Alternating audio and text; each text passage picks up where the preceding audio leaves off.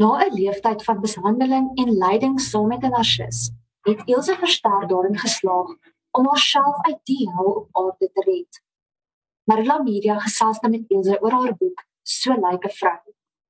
Ilse met So lyk 'n vrou gee jy 'n stem aan 'n stikkende vrou wat jare lank gebid en gesmeek het dat die pyn moet ophou.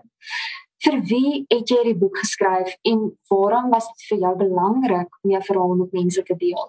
Hierdie boek is uit en uit geskryf as 'n opdrag. Dit was 'n opdrag van die Here wat ek ontvang het tydens 'n 40 dae vas wat ek gedoen het in 'n baie baie slegte tyd tydens my egskeiding. Die doel van hierdie boek is uit en uit om hoop te gee aan mishandelde vroue daar buite. Ek wil net sê dat baie mense het nou ook al kommentaar gelewer op die boek en gesê maar dit is nie net vroue wat mishandel word nie.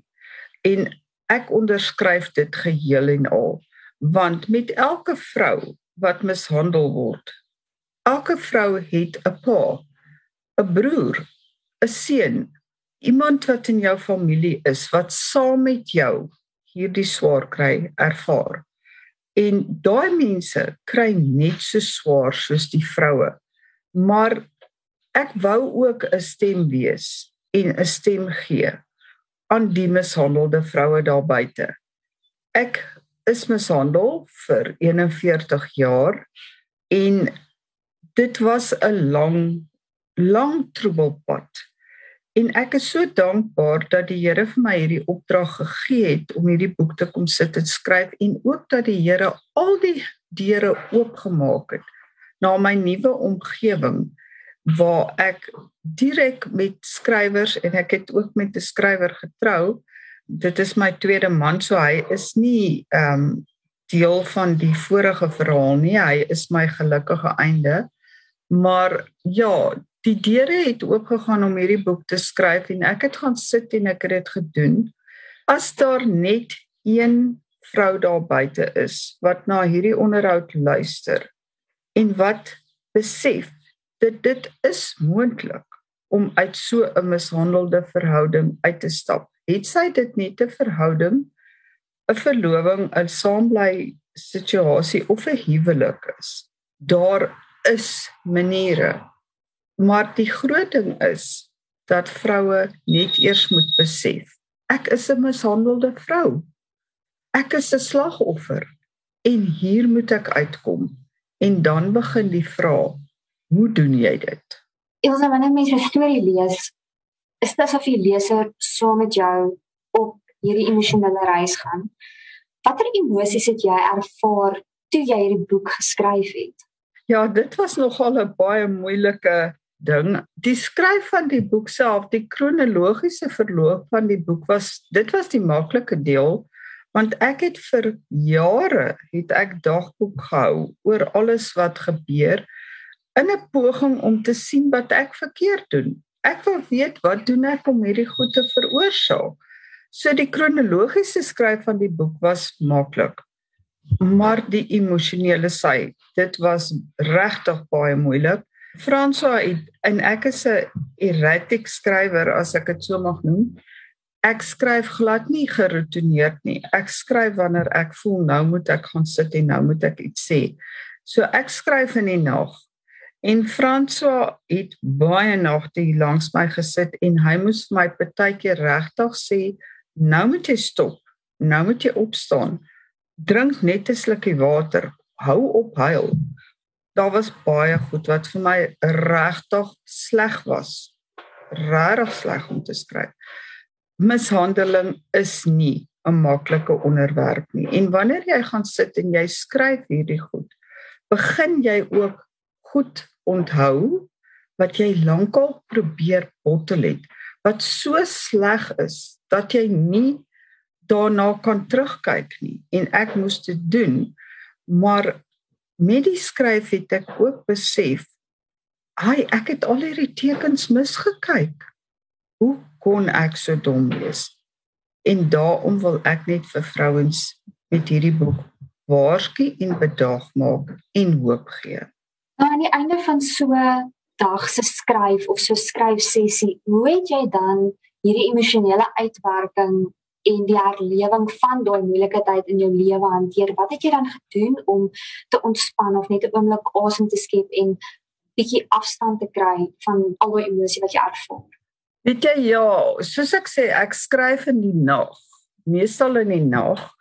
En Franswa was altyd by my want ek het vir hom gevra om net naby my te wees vir daai emosionele ondersteuning.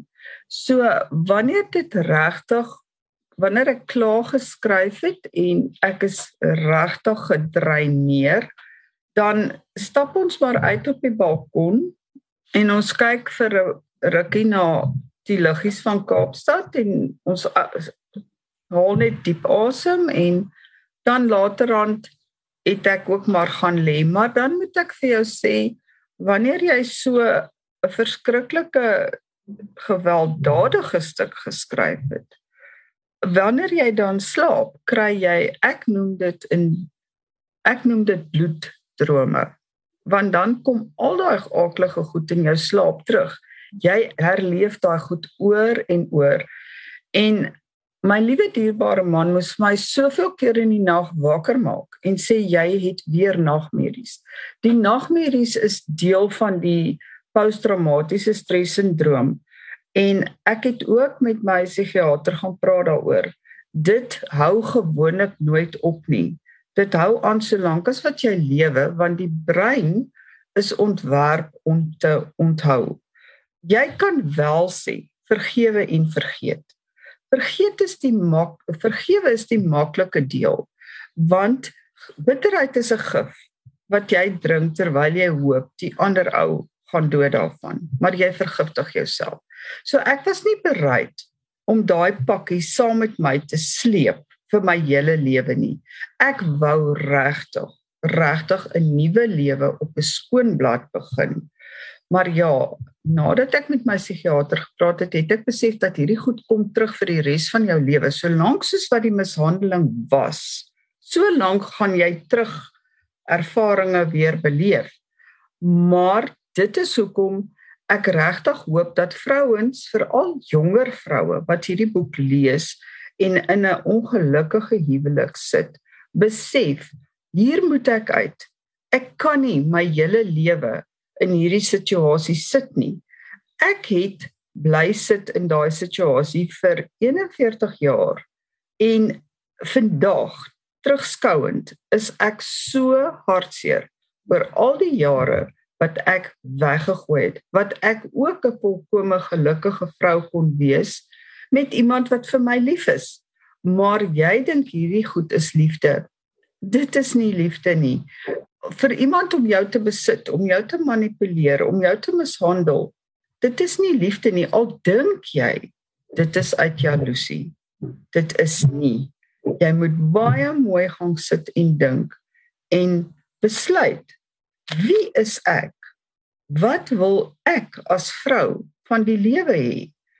En ja, dit het vir my baie lank gevat, maar ja, dit is dit. Nou Ilse, mens weet nie wie ek nodig om dit te hoor nie. Mens weet nie wie saam luister nie. Maar ek wil graag by jou hoor of ons dalk die onderhoud kan afsluit met raad aan mense, vroue wat in soortgelyke situasies is. Wat dink jy is die eerste belangrikste stap wat so iemand moet neem na heel wording of om uit so 'n situasie uit te kom? Ja, ek um wil net sê dat ver oggend toe ek my rekenaar aansit, ek het nou 'n uh, webblad begin onder my naam as Ilse Verster skrywer. En ver oggend die boek begin nou in omloop gaan. So die boekwinkels begin nou dit syfer stadig deur na Kaapstad daarbo in Transvaal het julle dit blykbaar al gekry. Maar daar is nou vrae. Ja, hier is hy. Daar is nou vrae van vroue en ver oggend skryf 'n vrou vir my ek het jou boek gelees. Help my. Ek sit in so 'n huwelik. Ek kan nie meer nie. En weet jy dit het vir my so aan die hart geruk. Ekskuus dat ek hier 'n bietjie emosioneel raak. Want ek voel so vir hierdie vroue. Jy weet, dit is die doel hoekom ek hierdie boek geskryf het want vroue moet net weet jy is kosbaar. Jy is nie iemand se vloerlap nie. Jy verdien nie wat met jou gebeur nie. En gaan sit en dink aan wat jy uit die lewe wil hê. Jy mishandelde vrou daar buite vir jou wil ek sê, jy is waardig. Jy is 'n godgeskape vrou en jy verdien liefde. Jy verdien respek. Die belangrikste is respek want geen liefde, geen verhouding kan gedei as daar nie respek is nie. Liefde kan groei, vriendskap kan liefde word of liefde kan vriendskap word, maar sonder respek is geen verhouding moontlik nie. En dit is ook wat my omgeklap het die aand op Donna Snyman se balkon toe ek vir Frans ontmoet en ons sit en gesels het ek iets in sy oë gesien wat my so onkant gevang het dat ek weggehardloop het en in my kar gespring het en gery het. En dit was respek. Respek vir 'n vrou want as daar nie respek is nie dan gaan daar nie 'n huwelik of 'n verhouding wees nie moenie bly moenie bly omdat jy kinders het of omdat jy soos ek die een ding wat my laat bly het was daai ding van beloof jy voor God en sy gemeente tot die dood julle skei. En toe sit ek op 'n dag voor 'n predikant en ek sê maar dit is wat aangaan en ek wil nie skei nie. En hy kyk vir my in my oë dit was 'n blinde predikant. Maar hy kyk vir my en hy sê vir my jy is van die pad af. As jy dink dat hierdie ding waarin jy is 'n huwelik is God het nie dit bedoel met die instansie van huwelik nie. Huwelik is iets wat jou as mens moet vervul en gelukkig maak en voldoen aan dit wat in 1 Korintiërs 13 staan. As daai goed nie daar is nie, kan daar geen huwelik wees nie. So ek hoop dat vroue daar buite die boek sal lees en besef jy is waardig. Jy is waardig. Klim uit. Die egskeidingsproses van so mense is baie moeilik. Daar is baie goed wat jy moet weet. Maar ja, klim uit, kontak my op my Facebookblad en ek wil graag met vroue praat en ek hoop regtig dat daar vroue gaan wees wat gaan uitklim uit so 'n siek situasie.